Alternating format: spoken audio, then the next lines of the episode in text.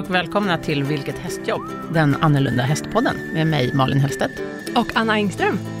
Idag har vi kommit fram till avsnitt nummer sex och idag tänkte vi prata om problemhästar, eller mm. hästar med människoproblem, kanske ja. man kan säga. Och vi har en, en eminent gäst med oss idag, William ja. Nilsson Fryer. Väldigt ja. roligt att ha dig här. Välkommen. William. Tack så mycket. Det är jättekul att vara här också och få förtroendet och delge min erfarenhet och kunskap i detta. Det ska bli mycket spännande. Ja, jätteroligt. Men först lite om veckan som gått. Anna, vad har ja. du hittat på? Jag håller ju på att köra in eh, din häst, Plupp. Ja, 74 centimeter hög. Ja, ja, det går faktiskt riktigt bra. Ja. Men det är mycket jobb. Det, är mycket grund, eh, det ligger mycket grundjobb i det. Mm. Jag kör ju in honom som jag kör in de stora hästarna. Ja, han, han är alltså vikarierande travhäst. Ja. ja. Fast med en liten vagn hoppas jag. Ja, Väldigt absolut. Liten vagn. Ja. Har du hängt vagn på honom? Hängt vagn, men eh, eh, inte, jag har inte sett i än. Nej, det kan jag förstå. Mm. Ja. Så vi kör in i ridhuset. Gud vad spännande. Ja, jag måste komma och titta. Mm. Ja. Som en äkta hästägare William, det vet ja, du hur de är. Då måste man komma och. Ja, jag tycker inte att det här är riktigt bra. Nej. Och när jag, plåt, när jag fotar honom så får jag alltid backning av Malin. Nej, du måste sätta dig nu, du måste en annan vinkel. Och det, fotar honom uppifrån. Ja, ja men det är för du är konstnär ju. Ja. Mm. ja. Men det är vi alla. Men du är sån, den typen också av konstnär. Mm. Kan sånt. Precis. Mm. Och din vecka William? Jag har eh, spenderat veckan i stallet och supportat mitt team och Anna, vårt team som jobbar där i stallet, eh, då jag är för närvarande off saddle, för jag genomgick en ryggoperation som var ganska stor för fyra veckor sedan. Fyra, ja, veckor sedan. Det låter väldigt jobbigt. Så jag mm. ska inte utsätta mig för risker för att utsättas för stötar och sånt än. Nej. Så även fast jag kan säkert rida så ska jag inte göra det. Nej. Så då står jag på backen och supportar och gör mitt bästa i det. Mm. Och de är nöjda med det? Det vet jag inte. Nej. Det är svårt att tillfredsställa tjejer, tycker jag. Okay. Ja. ja. ja nej, men ska vi börja med en liten eh, presentation av dig då, William? Ja, precis som du sa i första poddavsnittet så var du satt på en shetlandsponny. Ja. Min mamma var också eh, lite halvhippie, eller också, hon var lite halvhippie och eh, köpte in en shetlandsponny, satte mig på den istället för en barnvagn, så jag fick sitta och klämma mig fast på den där.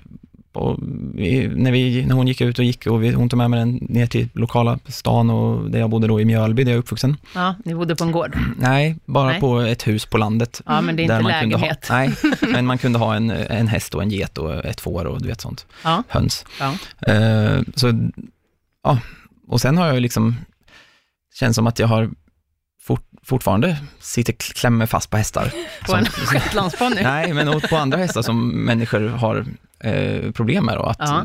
Hästar som lär sig att bli av med sin ryttare mm. har jag blivit duktig på att sitta kvar och ah, ja, okay. då har jag liksom, det har skapat det jag gör nu och, och jag har ridit i landslaget som young rider i fälttävlan och som senior i fälttävlan och eh, tävlat SM i ponnyfälttävlan och ridit ponnydressyr och varit väldigt allsidig med hästarna. Sådär. Mm.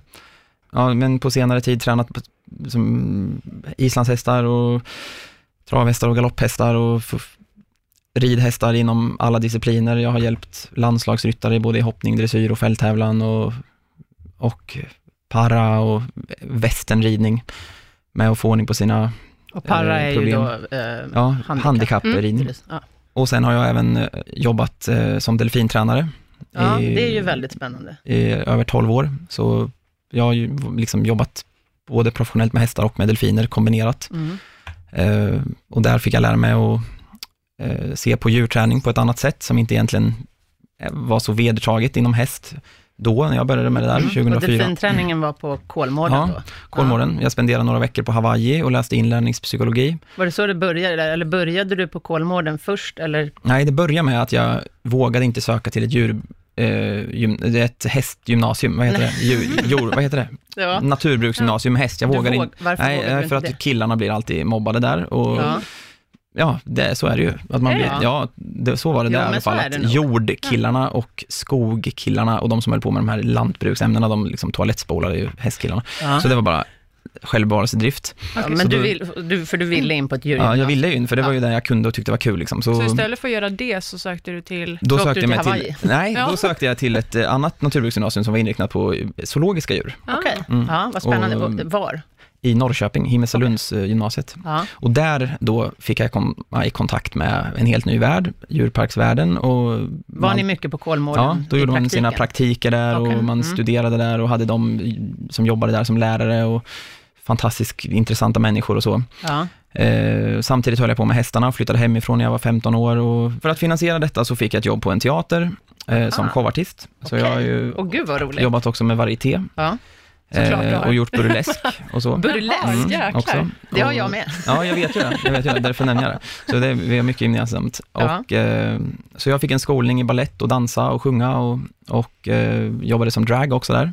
Det är fantastiskt, ja. Mm, det är märkligt. Sen eh, lyckades jag bryta näsan ungefär tre gånger inom loppet av två år. Så min näsa, den blev inte så feminin längre. Den blev, den blev större och större. Ja, och sen lagom till jag tog studenten så frågade chefen på delfinariumet om eh, jag ville få ett jobb som eh, du, delfintränare. Men du hade börjat på delfinariet redan då under praktiken? Som praktik, ja. De hade ju sett att jag var en kille som kunde ha med djur att göra, för jag ja. kunde träna hästar. Och jag var en som kunde stå på scenen ja. och möta publiken och ja, prata med publiken och, och alltihopa. Och jag fick, redan under min praktik fick jag hjälpa till på djurparken att de skulle lasta en stor eh, sån här mulåsna som ja. väger typ 600 kilo, alltså en monstermulåsna. ja, det måste då, ha varit ardenner och, Ja, men det var en, och den var, den var bara sur, liksom. Ja. Den gamla typen av djurvårdare som ja, fick sin skolning på 60-70-talet och de, ja. där pratar man inte om djurträning, utan där, där vårdar man djur. Man, mm. man mockar åt dem och man släpper in och ut dem mm. och mm. man ser till att de är friska och så. Man kommunicerar inte så mycket? Men man kommunicerar inte med, med dem alls egentligen, Nej. interagerar med dem alls. Mm. Uh, och då så kommer jag ihåg just när du säger det där att det var på min praktik så ringde de, ni har ju någon hästkille där på delfinariet, kan inte han komma in och försöka hjälpa oss med den här mulåsnan som skulle åka till Frankrike eller någonstans? Det var en mammutmulåsna. ja, och jag kom dit och där står det liksom 15 stycken maskulina djurvårdarkillar som jobbar i safariparken och de, de, de var helt röda i ansiktet och hade ju försökt baxa in den där åsnan på alla möjliga sätt. Eh, men jag tog den där bara och satte grimman lite längre bak på nacken, för de gillar ju inte när de sitter vid öronen. Mm. Vet ni. Och började göra lite, bara allmänna övningar med den. Ja. Få den att gå fram för mina hjälper och så. Och sen efter typ 30 minuter så provade jag och gick in, så följde den in mig i lastbilen. Ja. Mm. Och efter där, då vart ju, då fick jag ju respekt. Ja. De fick respekt för mig där. Det var ju kul där inne. Ja, lite grann så. så ja, sen fick jag jobbet där på delfinariet och hade du, hade du varit mycket i delfinariet innan? Nej, bara på min praktik. Jag ja. hade typ liksom, och matat dem då eller? Ja, man fick ju på, vad som på en praktikant ungefär, ett stall. Man får vara med och titta och lära och ja, hjälpa till. Och ja. Sista dagen så ville de, eftersom att jag, de tyckte att jag var lämpad för det, så fick jag testa att surfa på en delfin. Okay. Oh, och eh, det var spännande. Ja. Jag är liksom ingen... Maffigt. Jag har aldrig åkt snowboard, jag har bara åkt skidor och sådär. Men... Ja. Vi börjar lite lätt på en delfin. Ja, men så, så jag klarade att surfa och sen... Inträdesprovet, var det att surfa på delfinen? Det vet jag inte, det tror jag inte det var, utan de vill nog bara testa och se om jag, om jag var lika duktig i vattnet som jag verkade vara på land. Liksom, ja. med dem. Och hur gammal var du här? Ja, då var ju när man tar studenten där på våren, när man är 18. Tror jag. Ah, Okej, okay. så mm. det var när du gick ut från ja. zoologiska gymnasiet? Mm. Mm. Ja. Men vad häftigt. Intressant. Och sen när du började med delfin... Hawaii? Hur... Ja, sen fick jag jobbet där och fick höras talas om att det var en stor delfintränarkonferens på Hawaii. Och jag tyckte det där lät supertufft och sökte stipendium hos kungen faktiskt. Okay. Så det var på Hawaii man började studera djurs eh, beteende. Marina man, djur? Marina, ja, marina djur, djur marina djur, hur man tränar dem. Ja. För att det var där militärbasen fanns. Mm. För det är väl och, lite speciellt att träna marina djur har jag förstått, mot Nej, det är exakt samma okay. egentligen. Mm. Skillnaden är ju att de är rovdjur. Mm. Alla? Alla, Eller just delfinerna? Alla marina däggdjur är ju rovdjur. Okay. Ja. Grovskillnaden när man tränar en, ett rovdjur och man tränar ett flyktdjur, att mm. vi använder olika belöningsmetoder. Precis. Och det är där som skiljer lite grann. Precis, och det ska vi komma tillbaka mm. till också, mm. lite mer. Jag som älskar trickträning, mm. tänkte höra med dig om eh, du är världsmästare på att lära alla djur trick. Vi kallar det inte för tricks, för det är inga tricks egentligen. Utan det så vad håller jag på med om jag vinner? Mm, du håller ju på med utveckling. du, ja, du utvecklar ju Winnis och de djurens beteende egentligen. Mm. Så det är inget, det är inget onaturligt som de gör. Vi, vi, du kan inte lära en häst flyga. Nej, Nej, Nej det, det skulle vara ett trix. Eller prata. Ja, det skulle vara ett trix okay. till exempel. Det är alltså tricken är grejer som egentligen är helt omöjliga? Eller ja, vad, förstår för jag rätt då? De, de vi håller på med när vi tränar djuren, när vi lär dem att hoppa en bana i banhoppning, eller Malin lär dem att göra en scen till en film, eller du lär Winnie att uh, vara med i en situation mm. och en scen, då, då utvecklar vi bara deras beteenden som de har och de som de har blivit begåvade med från sin födsel och mm. utveckla dem. Intressant. Tack vare belönings, olika belöningsmetoder. De skickligaste tränarna är de som vet hur man belönar bäst. Mm. Mm. Så är det, det mycket stämmer. timing. Mm. Mm. mm. Du lär jag mig väldigt mycket med dig, ja. timing. Precis. Mm. Och vi, eh, framförallt med Winnie, men även med mina e-, egna hästar, så är, ofta är det ju hästarna som hittar på tricken. Ja. Och sen är jag bara snabb ja. att vara där, att, att uh, betinga ja, beteendet. Man måste vara väldigt enkelt. snabb och man måste ha bra öga och så. Ja. Men det vi inte ska glömma bort, om jag bara får flika in, att varför jag kommer hit som den här individen är, som nu, att vi pratar om det här, är ju också att på sista åren så har vi av händelse blivit väldigt anlitade att lösa många hästägares problem Precis. med sina hästar. Och eh, hela vår verksamhet har egentligen gått runt på det de sista fem, fem tio åren nu. Med just problemlösning, för ja, det är dagens huvudämne, mm. problemhästar eller ja. Hästar nu, med människoproblem. Mm. Och nu har vi haft förmånen att vi får jobba jättemycket med proffs. Att det är många proffs som kommer till oss och söker hjälp. Det är ju kul att få den mm. eh, unika chansen. Hur, hur, kommer det sig att du började med eh, problemlösning åt andra? Jag antar att du på något Nej, det var ju inte något medvetet och det är heller ingenting vi har marknadsfört. Absolut Nej, inte. Vi det... har en, eh, en blogg som ni får följa våran tävlingsteam och sådär. Eh, och vi har aldrig skrivit någonstans, tror jag, att vi håller på med problemlösning. För att så det är egentligen lite slumpen att eh, Ja, det är en slump och det är för att vi vill inte bli nischade som det, för att vi tycker inte att vi ska framhäva att hästar har problem och sånt, utan det är ju, vi, det är ingenting vi ska blunda för heller, utan jag tycker att det ska vara, det ska inte vara konstigt att söka hjälp. Nej. Nej, för, för blir det så att, ja, vi har lämnat dem till det och det stället, mm. jaha, då har du haft så mycket problem. Mm. Alltså till oss, Jaha, kan, okay, till oss kan man lämna sin häst om man vill eh, få sin häst utbildad till världsmästerskapen mm. i fälttävlan, eller du kan lämna din häst om du har problem med att den biter dig. Mm. Eller, Men det är en ovanligt eh, sympatisk inställning tycker jag, för att ofta är det just det, ja, jag är specialiserad på problemhästar eller, mm. eller eh, så även om man kollar hästannonser så står ja, det gärna problemhäst. Det, jag mår illa när jag läser dem där, för ja. att eh, det är bara missförstådda individer ja, tycker jag. plus att vi vill inte bli en sån som tjänar pengar på andras problem heller. Nej. Jag har aldrig kallat mig att vi håller på med tillridning, för det tycker jag inte heller är ett ord som, är, som inte är någonting substans Utbildning i. är väl ett trevligare ja, ord? Ja, det är utbildning och träning. Det, that's it, det är vad ja. vi gör. Vi tränar hästarna och på lång sikt blir de utbildade i det. Mm. Mm. Mm. Men om vi går in mer på problemhästar, då. vad är en problemhäst? En problemhäst, en klassisk som kommer till oss, det är att det ringer oftast en mamma eller en eh, dotter, eller en pappa, eller en son, mm. eller en exman, eller någon som Oj. har fått ta det jobbiga uppdraget att leta reda på någon som kan hjälpa dem med den här situationen. Och det är inte oftast hästen bara som är problemet, utan det är oftast en hel situation runt mm. om. Och det kan vara allt ifrån att den, de har problem med att den bara bits, mm. till att eh, det är ett dödsbo och de ska, hästen är så avancerad så det är bara den här människan som ägde hästen som klarar av den och helt plötsligt mm. så, så har den försvunnit ur livet mm. och då ska vi få den här hästen att bli normal, hanterbar, mm. så att de andra Men problemen kan bestå av vad som helst. Det kan vara en häst som bits, det kan mm. vara en häst som kastar av, mm. det kan vara en häst som ja. inte går att lasta. En häst som rymmer, det kan vara ah, en häst som okay. är lömsk och ah. liksom räknar ut sin egna agenda. Så. Mm. Men det är ändå väldigt bra betyg till er, tycker jag, eftersom att ni inte går ut själva med att ni är någon slags problemlösare.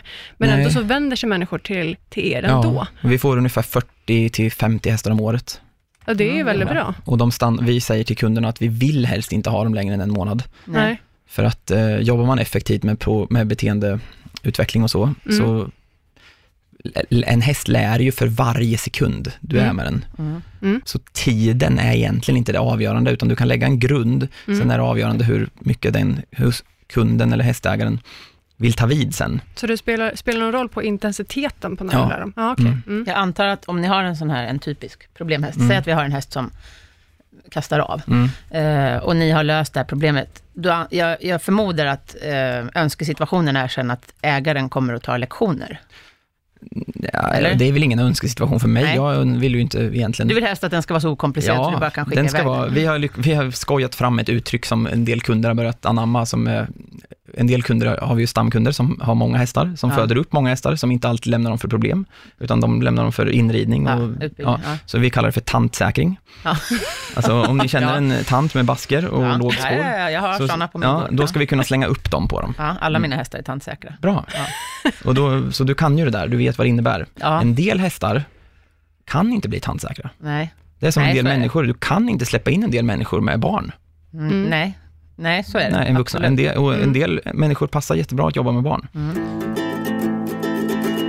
Så man kan aldrig kräva det. Liksom. Det, det, här pratade vi lite grann om i förra avsnittet, uh, ja, när vi har pratat om hur vi jobbar med våra hästar, för alla hästar vill ju heller inte vara stjärnor. stjärnor. Nej, om man ska definiera stjärna, en del, en del hästar har ju inte något behov av att visa upp sig. Liksom. Nej. Nej. Alltså alla hästar vill inte stå framför kameran, alla hästar vill inte vinna Elitloppet. Mm. det, och det är väl samma sak med tantsäkringen, att mm. alla hästar kanske inte vill ha en tant på ryggen. Nej, Nej. Nej och, då, och de, precis, det gäller att leta reda på vilka individer passar vilka och sådär. Vi har förmånen att hyra en, en hästanläggning. En Nej, vi har en hästanläggning på, på ett större, en större gård i Nyköping, Lövsund säteri. Och där har vi en lösdrift som är vad jag tror Sveriges största. Vi har 120 mm. hektar. Oh, jäklar. Alltså en hage? En hage. Som är 120 mm. hektar.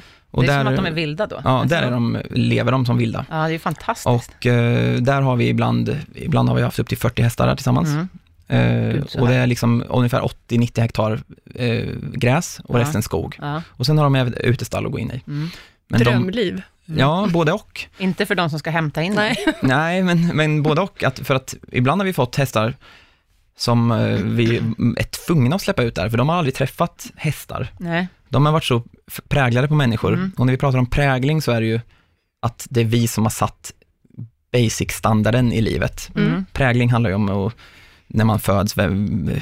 mamman och sådär. Det är ju inte mm. alla som vet vad just prägling betyder. Nej. Det är mamman som sätter upp reglerna för dem. Och en del Flasknapp, äh, flaskknappade ja. djur eh, är ju alltså präglade på flaskan och på den som har nappat upp dem. Ja, ofta väldigt svåra att jobba med, eller hur? Precis, det är ju, de har ju tryckt om det. Men de är ju inte, det är inte omöjligt, utan det, vad de behöver är ju att bli ompräglade.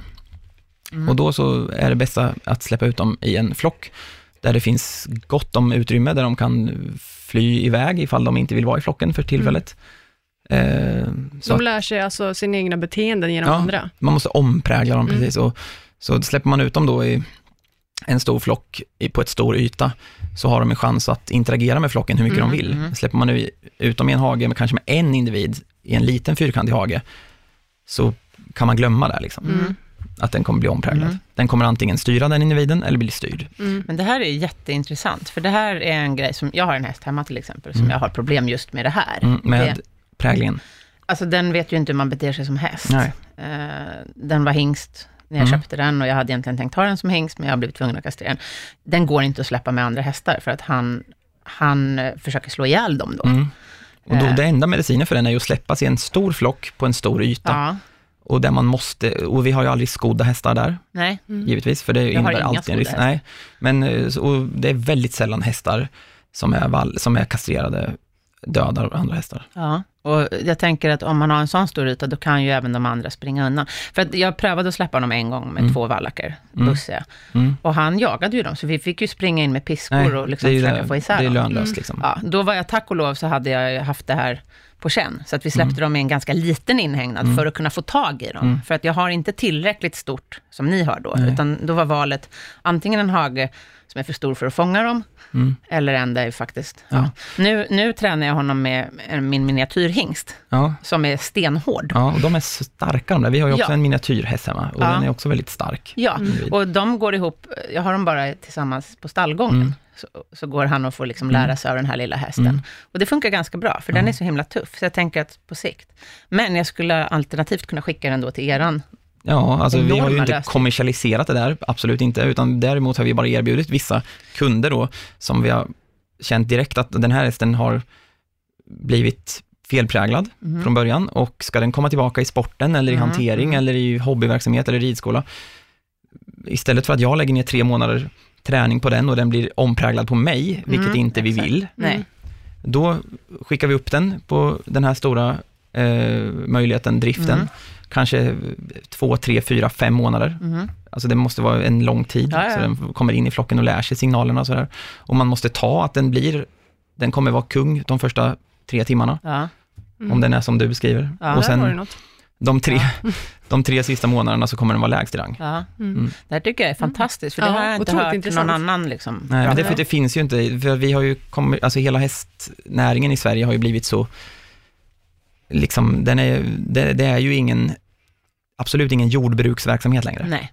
Nej, utan det har ju blivit en en uh, husdjursverksamhet. Alltså, vi har dem ju som mm. en, man har ett marsvin eller vi har en mm. burfågel eller vi har en, vilket husdjur som helst. En ja, och sen är det hund. ju väldigt mycket prestation inblandat. Mm. Alltså om hästen inte presterar på tillräckligt kort tid, Nej. så slår man ut dem eller skickar dem vidare. Eller? Ja, de, de går vidare. Mm. Och, och, det är väl på ett sätt bra att de går vidare, så att de inte blir utarmade om du förstår vad jag menar? Ja, absolut. Fast det kan ju också lätt bli att det blir en vandringspokal. Ja, och så har man en häst till slut som är... Ja, och då, och då kommer man till det där igen då, som vi får möta på, att är det en stark individ som inte tillåter sig att bli besegrad. Är det en problemhäst då? Ja, då, då blir det oftast mm. en häst som folk kallar för problemhäst. Mm. Eh, och den, de Fast kommer är inte det någonting positivt kan jag tycka? Att för hästen i sig väldigt... är det ju det, för den har ju, ja, vad jag bedömer, lidit mindre psykiskt mm. ja. än en häst som har stängt av ja. eller blivit vad vi kan kalla för bränd och ja. den har tillåtit sig att blivit för långt, ja, för långt mm. tränad, både fysiskt och mentalt. Och eh, hingstar och ston är väldigt sällan att de eh, tillåter det, mm. utan de sätter sina gränser mm. Och, eh, är det, svår, det är svårare att trycka ner en hingst, ett sto eller en vallack? Ja, ja du, kan, du kan inte trycka ner en hingst eller sto. Du kan, du kan få dem att prestera eh, upp till en viss gräns mm. och sen ska du ta dem lite till, då måste du ha dem med dig ju. Det vet alla som håller på med hästar. Mm. De måste prestera för dig och de måste älska dig lika mm. mycket, vice versa. Men eh, en vallack, den, eh, den kan du ju träna väldigt eh, tufft liksom.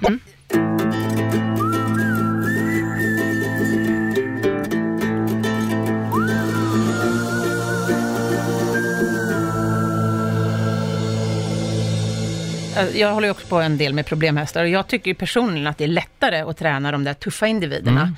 Därför att de fortfarande har sin integritet kvar. Ja. Mm. Till skillnad från en häst som kanske har stängt av och blivit kuvad yes. och så. Ja. De är ofta väldigt, väldigt svåra att nå fram till, tycker ja. jag. Och när jag inte når fram till dem, när jag inte får någon kommunikation, då tycker jag att det är jättesvårt att ändra deras beteenden, för de kör liksom på i ett invant gammalt hjulspår. Ja. Och det som hästägarna säger till mig, jag frågar ofta, har det hänt någonting? Mm. Vet du om den har, och ibland är det så att häst, hästen har fötts hos dem, mm. den har vuxit upp hos dem, den har inte varit någon vandringspokal. Nej. Och ändå är den sådär. Mm. Och då frågar man hästägaren, har det hänt någonting i dens liv eller någonting? Mm. Nej, vi kan inte säga någonting liksom. specifikt. Nej, men då kanske det bara är fyra, fem år av felhantering ja. mm. i den hästens mening som har gjort att den har fullständigt stängts av. Ja. Och, och sen då förklarar man sen när man har kommit vidare med beteendet och man hittar en lösning. Ja, det är ju det här som orsakar det här. Mm. Ja, men det hände ju bara en gång eller det var ju bara så lite. Men mm. vi måste se till att det är individer mm. och det är också bevisat enligt forskning nu, alltså på hög nivå, att djur har likvärdiga känslor som vi. Inte mer och inte mindre. De har likvärdiga känslor. Mm. Och djur som hästar och hundar och till exempel delfiner och som är sociala, de har de här känslorna som vi har. Mm. De kan bli ledsna, de blir svikna och mm. de blir stolta etc. Mm. Och har du blivit mot din vilja tvingad att göra saker, om jag kan sticka ut hagen och kalla det för en, en, en våldtäkt, liksom, mm. utan på att vara en sexuell anspelning, så då kan man inte säga efteråt att det skedde bara en gång. Nej. En gång våldtagen, alltid, alltid ja, våldtagen. Så. Mm. Likaväl som en häst då som har lärt sig då att inte bli besegrad om den har blivit lömsk istället och, och liksom aggressiv och sådär. Mm. Om det är en, precis som i vårt samhälle, en människa, om det är en människa som har uppsåtligt dödat en annan människa, mm.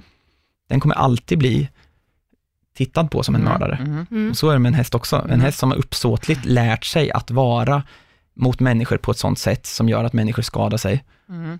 Den hästen har lärt sig det. Mm. Och den, även om du får den på din sida, så den har alltid den kunskapen med sig. Mm. Mm.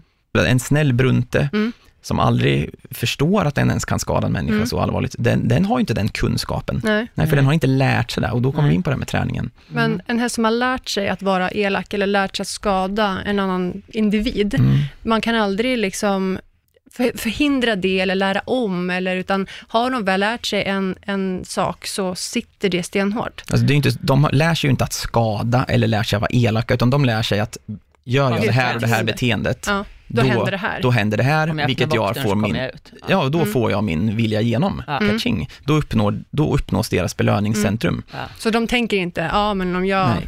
Här, de det, tänker inte nej. kognitivt nej. som vi. Det är också bevisat att, eh, att, att sparkar jag människan just vid mjälten, då dör den. Mm, nej. Det nej, är okay. inte. Mm. Mm. Men de kan ju en viss typ av planering. Ja, det, de, de kan ju situations... De, de kan ju lära sig situationer. Alltså, ja. Gör jag så här, då inträffar det där och då får jag det här. Det är ja. liksom trestegsmekanism egentligen. Ja. Det finns ju till exempel filmer på kråkfåglar som är oerhört intelligenta, mm. där de använder sig av redskap, där, man mät, där de har gjort eh, väldigt avancerade mm. matlabyrinter, där ja. de ska använda redsk ja. olika redskap mm. i olika situationer. Mm. Men det finns på hästar också, ja. så det vet man också, men det handlar också bara om inlärning. Ja. Att de, de lär sig att tillräckligt många steg så kommer jag få min belöning. Ja. Och det, Men om man sett, för det är ju inte alltid så att det är samma steg. De måste väl ändå någonstans koppla att någon litet mått av planering, förstår du vad jag menar? Nej, Nej, det är inte det, utan det är bara konsekvenser okay. av olika saker. Ja. Att de lär sig att sparkar jag människan, ja då får jag vara i fred. Mm. Och det är där vi kommer till. Hästen mm. strävar alltid efter att få bli lämnad i lugn och ro, mm. i trygghet. Mm. Blir den lämnad i ensamhet, i, utan trygghet, mm. då är det inte den belöningen. Är det alltid så? Är det med varenda hästindivid, att de vill alltid bli lämnade i fred? I fred är ju ett konstigt ord, för det kan ju tolkas fel. De vill lämnas i trygghet. Trygghet. Mm. Om du förstår vad jag menar. Ja. Och trygghet det, kan ju vara olika för olika individer. Exakt. Och det är där så att det finns primär förstärkning och sekundär förstärkning. Mm.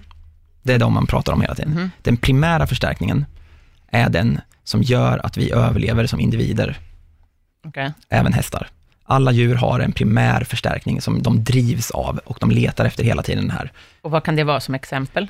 Vi människor drivs av pengar. Det är vår primära förstärkning.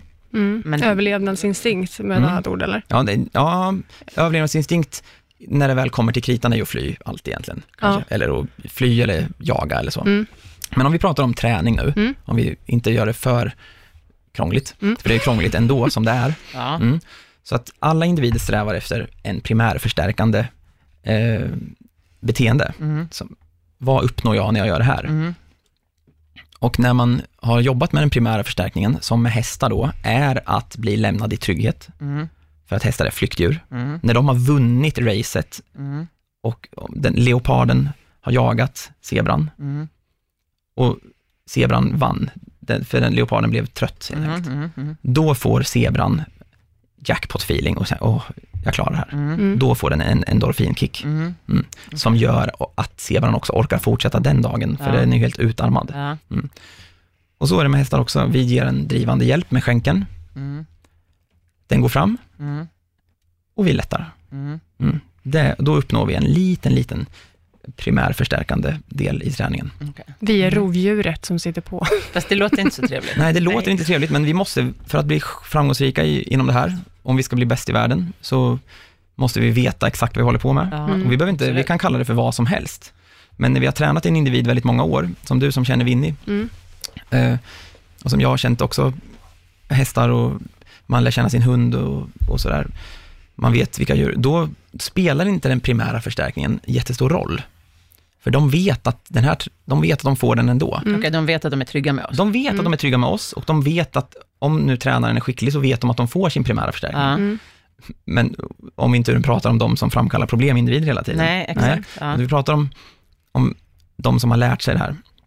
Då pratar man om någonting, någonting som heter sekundär förstärkning. Mm. Mm. Och det är det som är själva nyckeln Okay. Och den sekundära förstärkningen, den kan vara precis vad som helst beroende mm. på individ. Mm. Mm. Men oftast så börjar man jobba för mycket med den sekundära förstärkningen innan man har implementerat den primära förstärkningen. Okay. Mm. Till exempel situation, häst lastas i transport, uh. som alltid är problem, för när det väl är problem. När jag har fått in hästen i transporten, då, frågar, då kommer alltid frågan, varför klappar du inte hästen? Varför var, varför, varför var du så kall mot hästen? Om inte jag kom, kommer till en situation, känner inte hästen, har inte känt situationen. Jag tar hästen, jag får hästen att gå framför mina hjälper, framför mm. de drivande hjälperna. Den går fram till de drivande hjälperna, den får en eftergift i linan. Mm. Eftergiften i linan är den primära förstärkningen. Mm. Oh, jag slapp trycket där. Mm. Jag tar ju ner den drivande hjälpen så mm. fort den går fram. Mm. Det är också en primärförstärkande del. Mm. Eller hur? Helt plötsligt spelar ju inte den där transporten någon roll då. Nej. För hästen, när jag har jobbat lite, några minuter med det där, fem minuter eller 50 minuter, beroende på hur hårt man har fastnat liksom då går ju hästen in i den. Men då är, då inte, transporten, in... då är inte transporten problemet Nej, egentligen. utan det är ju för att man inte har jobbat med den primära förstärkningen. Ja. Och eftersom jag inte känner den här individen, då kan inte jag jobba med någonting annat än den primära förstärkningen. Nej. Är det min häst som jag har känt i många, många år, eller, då kan man gå fram och klappa den, klappa den för mm. den uppskattar det. Mm. Det är aldrig någonsin djuren som bestämmer vad som är belöning eller bestraffning. Det är vi. Okay. Mm, tror vi. Mm, ja, vi okay. säger så här, det här är belöningen, det här är bestraffningen. Ja, ja, mm, ja. är ni med? Ja, mm. Men vi, tror, vi tror hela tiden det. Så vi, måste vara så skickliga på att veta vad som är belönande och vad som är mm. bestraffande, för att kunna behärska de här två motpolerna med varandra. Hur vet man det då? Ja, det, för det första måste du veta inlärningspsykologin, och mm. vilket du och Malin och jag kan, var, mm. vare sig vi vill eller inte har vi fått lära oss det här på något vänster. Och jag höll ju på att praktisera med hästar och delfiner långt innan jag fick lära mig det teoretiskt. Mm. Och det var ju en eye-opener för mig. Liksom. Mm. Och det är det för många man berättar om. Jag har ju inte jobbat med teoretiskt, Nej, utan men du kan jag är det ju. learning by doing. Ja, och du mm. kan det. Och ja. sen möter man någon som liksom berättar för dig vad man egentligen håller på med, då blir det en jobbig chock och en insikt. Sen förhoppningsvis bidrar ju det till att man hoppar upp ett steg. Ja. ja, så att bestraffningen för en häst är ju att aldrig få lämna sin trygghet. Ja. Det är den primära mm, bestraffningen. Mm. Alltså det, den, den blir ju konstant stressad. Mm. Och där ser vi på hästar som kommer till oss som har problem. Men äh, vänta, om vi går tillbaka till hästen du lastade här, bara som, mm. så att jag klargör. Mm. För att jag jobbar lite grann likadant när jag lastar en mm. häst. Och jag brukar inte, om det, är en, om det är en häst som jag inte känner, då börjar inte jag heller klappa den. Nej. För att jag anser lite grann att den har inte liksom förmågan att ta in det Nej, just då, utan jag måste låta den vara i fred och smälta. Ja. Vad händer nu? Mm. Och är den har så? ingen relation till dig. Nej. För den sekundära förstärkningen har bara med relation att göra. Ja. Ju starkare relation, desto starkare sekundär förstärkning. Ja. Bara det, så att vi klargör det. Så det finns en förstår. klassisk eh, sån här, som man brukar alltid säga för att få människor att förstå vad skillnaden mellan primär förstärkning och sekundär förstärkning är att om två par är på middag hos varandra, och den eh, ena börjar ta, ta, bort disken från bordet, eller plocka bort. Frun eller mannen, eller den äkta hälften till den här personen då, som gör det, den kan ju helt sonika gå fram och ge den en kyss och säga tack för att du plockar bort disken. Mm, mm. Mm. Den kan praktisera, den, den kan praktisera sin sekundära förstärkning. Ja. Mm. mm. Men om den andra partnern skulle göra det på det motsatta könet, eller beroende på vad man har för längd, ja, då blir det tvärnit i situationen ja. runt middagsbordet. Ja. Vad, vad händer här? Ja. Mm. Och där har du samma sak med hästen. Mm. Att går du in och börjar praktisera sekundär förstärkning som belöningsmetod på ett djur du inte har någon relation till, mm. då, då går du in på dens integritet. Liksom. Mm. Intressant. Har du då ett djur som är van med att folk klampar in på sin integritet hela tiden, om vi pratar om de här individerna som har stängt av och som har blivit för långt pushade, mm. då oftast så ser man inte att det som man tror är belöning är belöning. Alltså man ger en klapp eller eftergift eller en godis, det, det, det sker ingen reaktion. Mm. Du måste se en reaktion på belöningen för att det ska också vara en belöning. Mm. Om du ger en klapp till mm. hästen så måste ett öra åka fram. Det okay. måste mm. tugga, mulen mm. måste slappna av. Det måste ske någonting i hästens uttryck. Annars har det av. Nej, annars har det inte varit en belöning. Okay. Mm. Du kan ah, alltid ah. hitta en belöning, men mm. det är klassiskt när man ber ridskole, jag har också jobbat som vikarierande ridskolechef eh, på en liten ridskola. Och man ber av klassiskt då, som man gör i ridsporten, åh beröm hästen, klappa mm, hästen. Och mm. barnen då, de här små tåliga russen som mm. har gått där i år efter år i manegen och de är extrema hjältar egentligen. Ja, nu pratar vi hästarna. Nu pratar vi hästar, ja, ja. Men, men barnen, man ber barnen, åh beröm hästen ja. och klapp, det åker fram en hand på halsen och klappar och de får tygen. Men de, ponnyn ser lika sur ut för det. Ja, den mm. märker ju knappt att det... Ja. Nej, för, att den är, för den är ingen belöning. Nej. Nej. För den ens enda belöning är när ridskolan... Kliva av mig. När, när, när det är slut för dagen och den får vara i sin box och vara i fred. Sen struntar den helt och kallt i vad, de, vad alla klappar och ger mm. godis hit och dit och så. Mm. Det är viktigt att man vet om liksom, vad är belöning och vad är inte belöning. Och det är då, väl också det kanske då som är anledningen till att vissa människors hästar tigger. För jag får ju ofta frågan om jag jobbar med godis eller inte. Ja. Jag använder godis som belöningsform. Ja. Eh, och mina hästar tigger inte. Nej. Men de vet att det är ett konsekvent belönande. Ja. De, vet, de kanske förväntar sig en belöning när du har bett om någonting. Men om någon annan kommer och ger dem godis, då är det ju lätt att de börjar tigga. Ja, men det är ju också för att du, du missbrukar ju en belöning. Ja. En belöning är mm. bara värd om den ges efter en prestation, en prestation ja. av något mm. slag. Ja. ja. Och där också måste du lära dig att balansera belöningen. Och där pratar vi om någonting som, som kallas för jackpot eh, reinforcement, mm. jackpot-belöning. Och det kan man bara använda någon gång väldigt sällan. Ja. Ja. Men vi använder ju, eh, när vi tränar och sen till filminspelning med Vinny, då är det ju morötter. Han får ju aldrig annars morötter. Och det är ju för att den här ska, han ska Bara liksom när veta. Tränar, precis. Ja, men han tränar. Ni använder det av en jackpot-belöning ja. i den situationen. Ja, ja. Mm. och det är, absolut, det är förbjudet att ge honom mm. morötter eller någonting mm. annat i vardagen. Ja. För att det ska ju vara, det ska också vara en tilldragande till mig, att jag som ger dig det här och mm. liksom upp, lyfter upp honom Exakt. på pedestalen. Ja, du är bandet ja. mellan, för, för att han ska kunna få morötterna så måste han på något sätt gå via dig. Mm. Ja. Och det är det som är träningen. Att vi vill att hästarna och djuren ska lista ut, hm, vad ska jag göra då för att uppnå min belöning? Mm. Mm. Och då ska man komma med en liten gåta. Mm. Det är det som är eh, trixet. Och det är ju ett trix i sig, om vi ska prata om trix. Att komma på det där. Ja. Mm.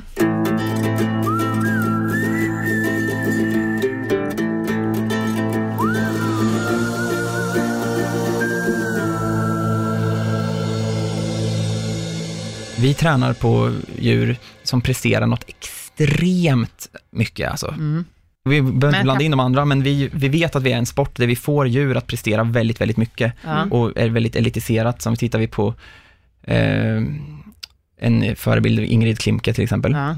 eh, som var på Friends i, nu i december, eller november. Hon, hon behärskar Ingrid Klimke är alltså en av världens bästa dressyr och fälttävlansryttare, ja. för de som inte vet. Hon ja. är från Tyskland. Och eh, hon brukar jag ofta prata just om träning med när jag möter henne på tävlingar.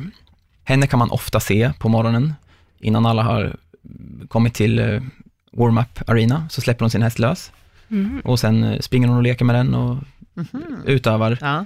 träning på ett, ett annat plan ja. för att bonda sitt band okay. med den. För att ja. ridning, vi tränar hästarna med så mycket sekundär förstärkning och så mycket, när det väl kommer till den nivån att vi har en relation med dem.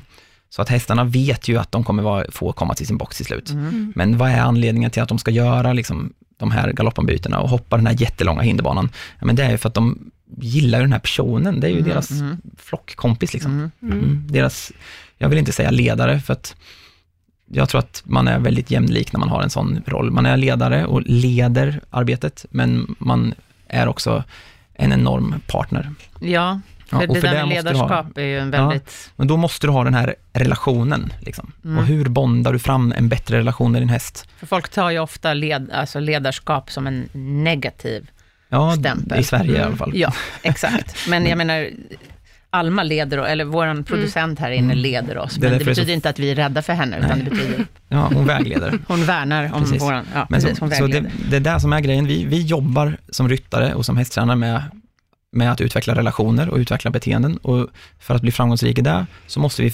få individen, slash hästen, att tycka det är kul att göra saker med oss. Mm. Liksom. Mm. Såklart, absolut. Så det, det där. Då William har vi ju eh, varje vecka något som heter veckans tips. Och vi tänker ju att du ska få presentera det idag. Yes. Mm. Eh, jag samtalade lite med min sambo Anna igår, om, för hon är också partner till mig och vi jobbar ihop. Mm. Och då sa hon bara, veckans tips, ta hjälp. Men det är ju helt korrekt, jag vill ja. att man ska ta hjälp. Men jag tänker så här, att för att se en allsidig träning, det är så inne nu med naturbanor hit och dit och vi har ju, vi som fältlandslagsryttare rider i naturen hela tiden och utnyttjar den. Men det är väldigt vanligt att människor som då inte har ett ridhus, det lastas väldigt mycket och åker till ridhus och det tränas mycket i ridhus och det är väldigt mycket centrerad träning till ridhus hos tränare och så vidare. Men jag, när vi inte hade ridhus och när vi bodde på de ställena vi bodde innan, vi lastade och åkte och galopptränade hästarna. Vi åker fortfarande och lastar och galopptränar hästarna. Vi åker och lastar, vi lastar hästarna och backtränar hästarna ibland, när vi ska på de mer elithästarna som ska mer centrerad backträning. Eh, så att jag Tycker... Och backträning är då i en uppförsbacke, Uppförs... inte att hästen ska rygga. Nej, nej precis. men det är också en nedförsbacketräning, för man skrittar ju ner och får ja, en balans absolut. där också. Ja, men, men en upp och ner, upp och ner bakåt. En riktig fysträning. Liksom. Backträning och galoppträning görs för lite i Sverige. Mm, mm. Eh, och då säger alltid alla, för det får jag höra hela tiden, att vi har ingen backe och vi har ingen galoppbana. Nej, men eh, ni har ju ingen uh, tävlingsbana heller, men ni åker ju och tävlar hela tiden. Mm. Ni åker till en veterinär, ni, ni åker till en tränare, ni åker till Gud och hans moster. Mm. Ja. Åk till en backe och åk till en galoppbana. Alltså mm. vi, Sverige är ju det landet i Europa som har flest träningstravbanor. Mm. Okay. Så jag menar, vi lastar hästen och åker till travbanor och det är enorm skillnad i träning på hästarna. Man får ta reda på lite grann, om man har ett intresse Liksom, då får man ju kanske det, ta sig till det. Det är bara att googla ja. travbana och sen höra med hästfolk. En, en travbana är ett fråga. samtal bort. Liksom. Mm. Ja. Sen, jag vet att i Stockholm åtminstone, Täby galopp finns mm. ju inte kvar, men vi har Bro Park. Mm. Nu vet inte jag om de, har som, om de har samma då. Men förr så hade de torsdagsgalopp på mm. torsdag eftermiddagar för ridhästar. Då fick vem som helst Himla bra mm. initiativ och det kanske har liksom inte nått ut till alla.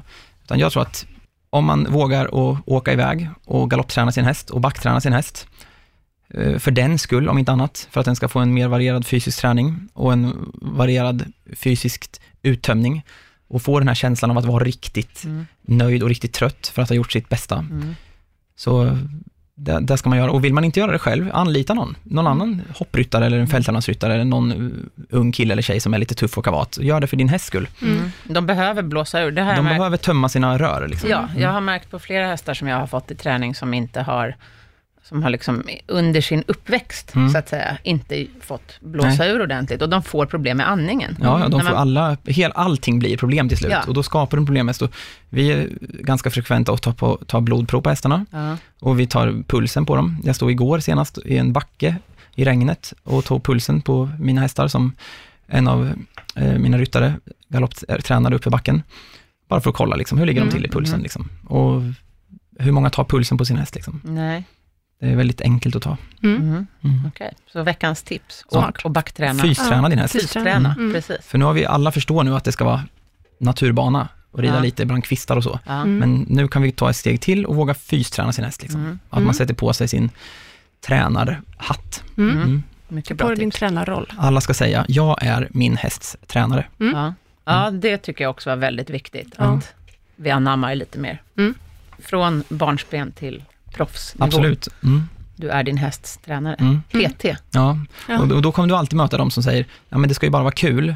Ja, men är det inte kul om man ska träna sin häst, då ska man inte hålla på med det här. Nej, Nej. då ska man inte ha häst. Nej.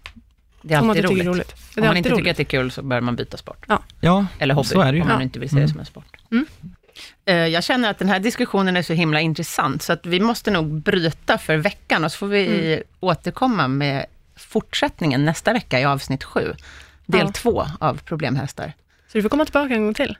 Okej, okay, tack snälla. Vi har ju faktiskt en Facebook och en Instagram som heter Vilket hästjobb. Där borde ni gå in och följa oss. Vi har en mail, vilket hastjobb gmail.com och där får ni gå in och ställa frågor eller ja. komma med förslag på program, ja. programämnen. Bara skriva hur, hur bra vi är. Ja, mycket beröm vill vi ha. Ja. Prenumerera på podden, ge oss fem stjärnor, då missar du ingenting och sen så hamnar vi högre upp på topplistan, Precis. så att andra hittar oss. Precis. Mm. Vi hörs igen tillsammans med William nästa vecka. Välkommen åter. Hej då!